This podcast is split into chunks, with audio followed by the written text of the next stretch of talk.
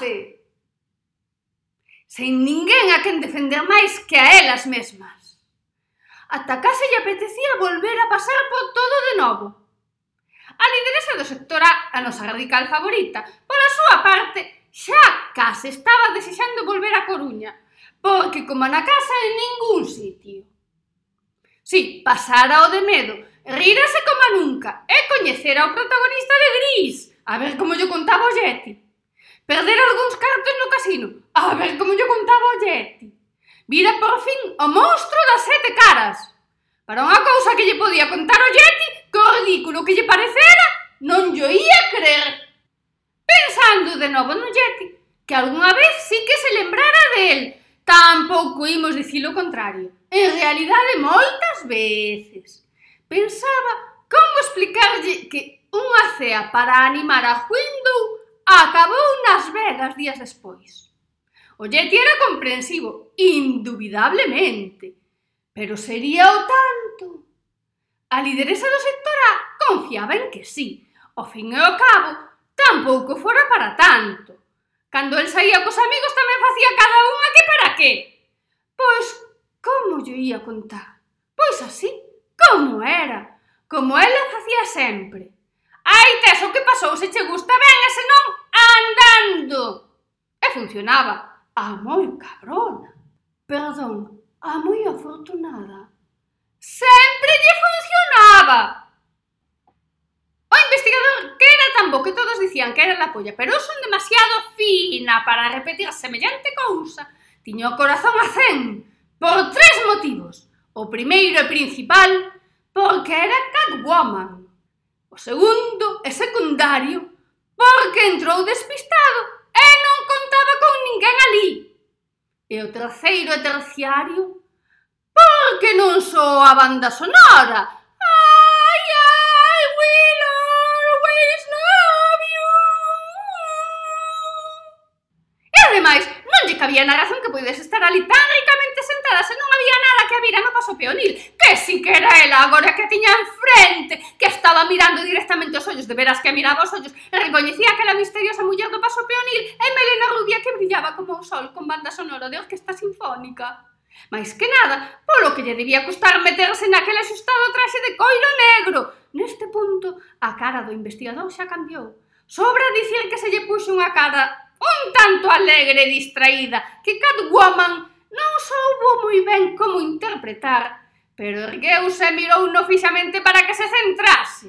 Centrouse, centrouse, que lle tiña moito respecto. Catwoman ia comezar a relatar o motivo da súa inesperada para o investigador visita cando de súpeto entra pola porta Crawford, que andabalo pola Riviera Francesa, living la vida loca, cun home moi importante do que non se podía dicir o nome, pero que tiña por iniciais J.M. e que eu, por pura monocotilleo, dixen o nome que é John, que total, como non me pagan a exclusiva, pero agora que xa volviu, non sei se dicilo apelido. As nosas heroínas ían a toda hostia, perdón, a gran velocidade, polas autopistas americanas paralizando todos os radares e cunha escolta de patrullas do xerif, do FBI, da CIA, dos marines, do exército de terra do monstro, das sete caras do casino, porque moito ganaran pero marcharon sen pagar. E non sabían como facer para despistalos a todos. E a solución Telma e Luis non lles parecía nin de lonxe a solución óptima. Que non, que nin de coña. Que por moi ben que quedase nos telexornais e nos tappings, que elas non estaban pola labor de tirar o baleiro polo gran cañón. Mirando atrás, sen rencor, iso sí, viron que era imposible, que por moi torpes que fosen uns e outros, non era posible despistalos a todos. Ou quizáis sí, pensaba Windows Quispe, e comezou a artellar unha estrategia evasiva. A estilosa señorita New Look pensaba que, en caso de necesidade e dado que aínda non chamaran as forzas aéreas cousa estrana, porque os americanos cos sobrados que son... Ela podía voar ata o seu jet privado, pero o problema, perdón, a incidencia, era que ela non sabía pilotar. Das poucas cousas que non sabía, de feito, para ela, era un coñecemento un tanto inútil, porque como xa dixen, é como boa vampira raíña da noite, ela podía voar. Mariposa e Poppy non acababan de ver a estilosa señorita New Look voando, Porque como se podía voar con semellante elegancia tipo Superman? Porque, a ver como? No fondo, é que non crían que a estilosa señorita New Look fose unha vampira. Elas tiñan esa idea anticuada e de todo falsa de que as vampiras eran mala xente. Ela facía por necesidade, non por vicio, mal pensadas. A lideresa do sector A ocorreuselle contactar con Ross, un greñudo de vida disipada, amigo de Pelusa, outro que tal baila, que últimamente tiña moita amizade, xa me entendedes, con Celia, pola afición mutua ás infusións relaxantes. Que se metera a Capitán Intergaláctico e aproveitando que Windom o coñecera nas sesións de peluquería, porque ambas cuidaban a súa melena porque elas o valían, Windom non tardou nada en poñer en marcha a idea da lideresa do sector A, A nao seguía pisando o acelerador. De súpeto, as páxinas que estaban dentro da carpeta de coiro negra que lle sacara case a forza a Clio, sí, sí, ese Clio ese, comezaron a pasar a toda velocidade. Pararon nunha, Unha forza misteriosa agarroume a man e puxo o meu dedo índice encima dun parágrafo que non estaba subliñado en verde fosforito nin nada. Como me había fixar? Eran datos tremendamente interesantes, sí, realmente interesantes. Tanto que durante uns segundos nin me cuestionei cal era a forza que movía as follas e me collera a man para sinalar aquilo. Cando fun consciente, puxoseme o pelo de punta. Vale, aínda máis do normal. Dei mirar para todos lados, pero por máis que miraba, non vía nada. Eu dándolle voltas a que forza misteriosa da natureza me estaba movendo. Quedei ca mirada perdida na fiestra. Daquela sentín un tortazo na cabeza. O golpe non foi moito, pero suficiente para mosquearme aínda máis. E eu veño a pensar e a darlle voltas aquel misterio, ata que xa escoito. Que son invisible! E uns murmurios máis que non acertei a descifrar, pero que me soaban a reproche. E como ia saber eu se era invisible había, unha tampouco ten que estar en todo. Podían ser forzas extraterrestres ou algo. Cando deixou de rosmar, díxome que mirase o que ela me sinalara nos papéis. Era información super segreda sobre o malvado doutor TCPIP. Sí, que interesante. Tratei de mirar a invisible para confirmarlle que me parecía moi importante aquel achádego e darlle as gracias, pero non sabía para onde mirar e sentime un pouco ridícula ao mirar en todas as direccións con semellante confirmación, así que pasei de todo. Invisible, díxeme que fora ela, a que lle dera a carpeta a Clio. Sí, sí, sí, ese Clio ese. Pero que por motivos obvios tivera que empregar a cor, o amor platónico do malvado doutor de de intermediaria. Contoume que temía que o malvado doutor TCPIP estivese tramando algo des que lle chegaron noticias da miña misteriosa desaparición cando andiban dando voltas por medio mundo. É que se puxo a investigar. Ala! Todo Dios a investigar. Intrusistas! É que viña comas nenariquiñas un caso debaixo do brazo. Soubo a través das súas canles de información habituais que estaba de relax pero non relaxada que a Crawford era a xefa por algo que unha maligna forza estaba cobrando vida na cidade. Tal foi a alarma que lle causou que incluso deixou o seu retiro porque un caso así só podía atender ela. Ou iso pensaba. Era o caso da famosa escaleira asasina. O investigador non sabía que máis lle podía pasar naquel día cheo de incógnitas e misterios inexplicables. Catwoman pois puxose en pé e parece que deixou de lado os motivos que a trouxeran ata o despacho de investigador en Crawford Investigations para ofrecer a súa axuda no que fose preciso. O investigador non lle faltou nada para dicir que se había que facer parellas de investigación para repartir o traballo el pedía ir con Catwoman. Crawford estaba concentrada naquel misterioso caso e non fixo caso dos desvaríos do seu compañeiro. Quindus Quispe Tardou en dar con Rox, non porque estivese nunha sesión de infusións desas, senón porque estaba nunha misión dando saltos polo hiperespacio, e por riba pagabanlle. Rox, ao principio, pensou que Huindon estaba vacilando, e casi lle colgo o teléfono. De non ser porque sabía que non era o estilo de Huindon, non o... Dirixiuse inmediatamente ás Vegas. Non lle pillaba lonxe, tan só tiña que entrar na atmósfera e torcer dous graus á esquerda. Cando a nao estaba a borde dun ataque de nervios porque xa estaban chegando ao aeroporto e ao fondo, en lugar de ver unha saída, vía a todas as forzas armadas estadounidenses que tampouco era moito dicir, escoítase o móvil de Windom. As nosas heroínas escoitaron aquela música un tanto hortera e rechamante como se fose unha melodía divina, como tiña que ser. Era Rox, que estaba xusto en riba do todo o terreo que as levaba. Magua que non tivese teito solar, ni fose descapotable, nin nada. Total, como só era nas Vegas que debía chover medio día o ano, americanos. Xa no hotel, o único hotel mega estrelado da Coruña, Miss Comtret investigadora da nobleza especializada en roubos de guante branco, porque eran os que máis cartos lle daban a parte de que se podía pegar unha vida de cine de hotel en hotel a lo pola Riviera Francesa e tal, é que se acabou asociando con a DSLPPP o noso contacto en Beijing, decidiu que aquela visita tiña posibilidades, moitas posibilidades. Ao ver a reacción da súa compañeira de festas da High Society en París, Londres, Milán e a Riviera Francesa, Mr. Jojovic xa tomou o día con máis calma.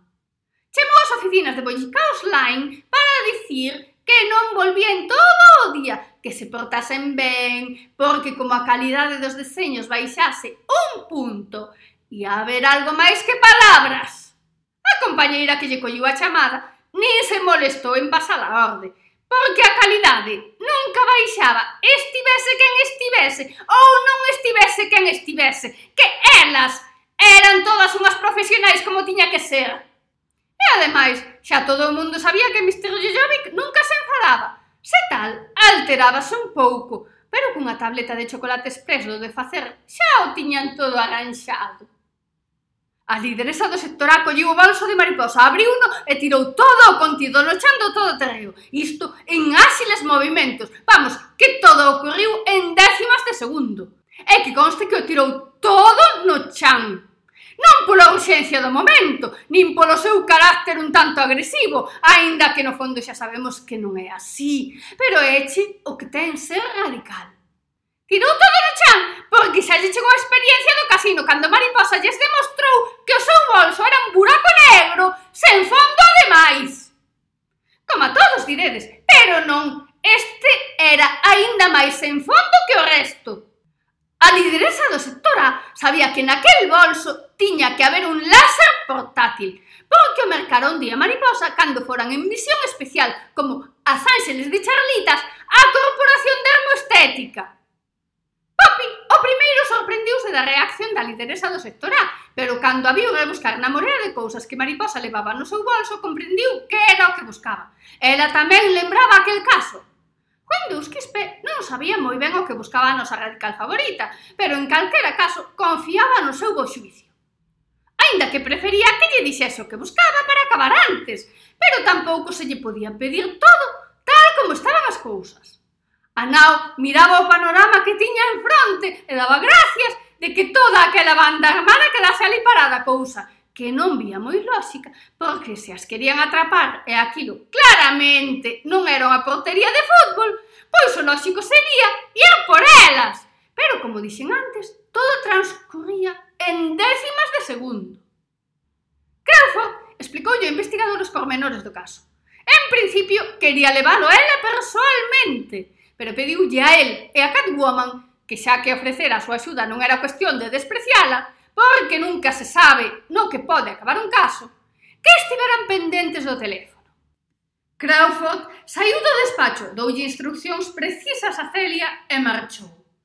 Daquela, o investigador mirou a Catwoman Ela mirouno e comezou a contarlle as investigacións de Invisible respecto á miña desaparición misteriosa.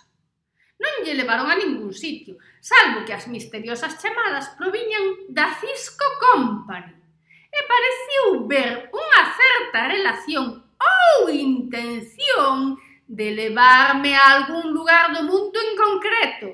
Ela máis ben dixo de mandarme a paseo, pero que eu son moi fina. Daquela, Por casualidade? Claro, por casualidade! Caiu nas súas mans o informe que me mostraba. O informe en cuestión tiña o membrete do CSI. ¡Que casualidade! Como o detective supersegredo do CSI. Do outro lado da fiestra, a parte da brétema, había alguén. Presentíao! Bueno, vale, que poida que non estivese moi perceptiva ca presencia de Impi, pero aquilo era distinto.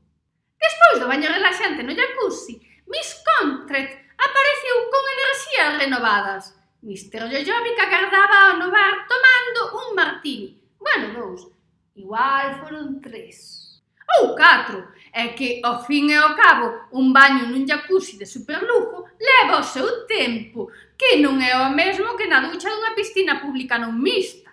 Miss Contret baixou toda elegante e glamurosa, como era ela e Mr. Jovic, que xa non se vía con capacidade de conducir. Doulle as chaves do supercoche de luxo para que ela guiase. Miss Contret estaba desexando ir ao despacho de Crawford Investigations para coñecer de primeira man a todas aquelas personaxes das que lle falaba a DSLPPP. Mr. Jojovic díxolle que un deles era aquel da gabardina e o sombreiro elegante que vira no aeroporto. Miss Contret, por máis que o pensaba, non conseguía poñerlle cara a aquela imaxe. Se o soubese antes, prestaríalle máis atención, dixo. Catwoman volviu sentar mentras falaba. O investigador escoitaba con moita atención, con toda a atención que lle permitía a súa empanada mental. Catwoman dicíalle que ela non pensaba que a misteriosa desaparición das nosas heroínas fose consecuencia dun secuestro ou dun plan malvado de algún malfeitor habitual. Faloulle dunha suposta nota de despedida da estilosa señorita New Look ao despistado doutor Fixel 650, cousa que sorprendiu ao investigador. Como que unha nota? Pero se o calamidade este me dixera que nin lle avisara nin nada. Catwoman esbozou un sorriso. Vamos, estábase partindo de realidade. Ela contoulle como fora a noite da desaparición. O investigador incrédulo, aínda que todo coincidía á perfección cas pesquisas de dinámico. Preguntoulle que de onde sacara a información. Ela díxolle que non a sacara de ningunha parte, que o vira cos seus propios ollos. O investigador arqueou a cella. Ela, anticipándose, Díxolle que confiaba na súa pericia profesional e que non pensaba que precisase axuda para resolver ningún caso, que por iso non dixera nada. El non a matou ali mesmo porque estaba perdidamente enamorado dela, pero... Por fin, a lideresa do sector A atopou o láser portátil. Windom non lamentou confiar nela e agardar un pouco Con movimentos áxiles abriu o teito do todo terreo negro. Rox planeaba arriba do todo terreo, pero non trouxera copiloto e non podía abrir automáticamente a comporta. Daquela, a estilosa señorita New Look sen pensalo un segundo, porque todo estaba ocorrendo en décimas de segundo. Alzou o bo cara á nave de Rox tirou da palanca de emerxencia e abriu a comporta. Entrou unha nave de Rox. Rox estaba impresionado, e porque a viu sair do todo terreo das nosas heroínas que senón estaría acojonado, perdón, asustado. A señorita New Look presentouse, porque unha situación de emerxencia, un rescate aéreo e ser unha vampira non tiñan por que estar reñidos cos vos maneiras colleu un cable de seguridade especial para rescates e lanzouse o baleiro. Claro, sendo vampira raíña da noite calquera o fai, non che digo, así sí.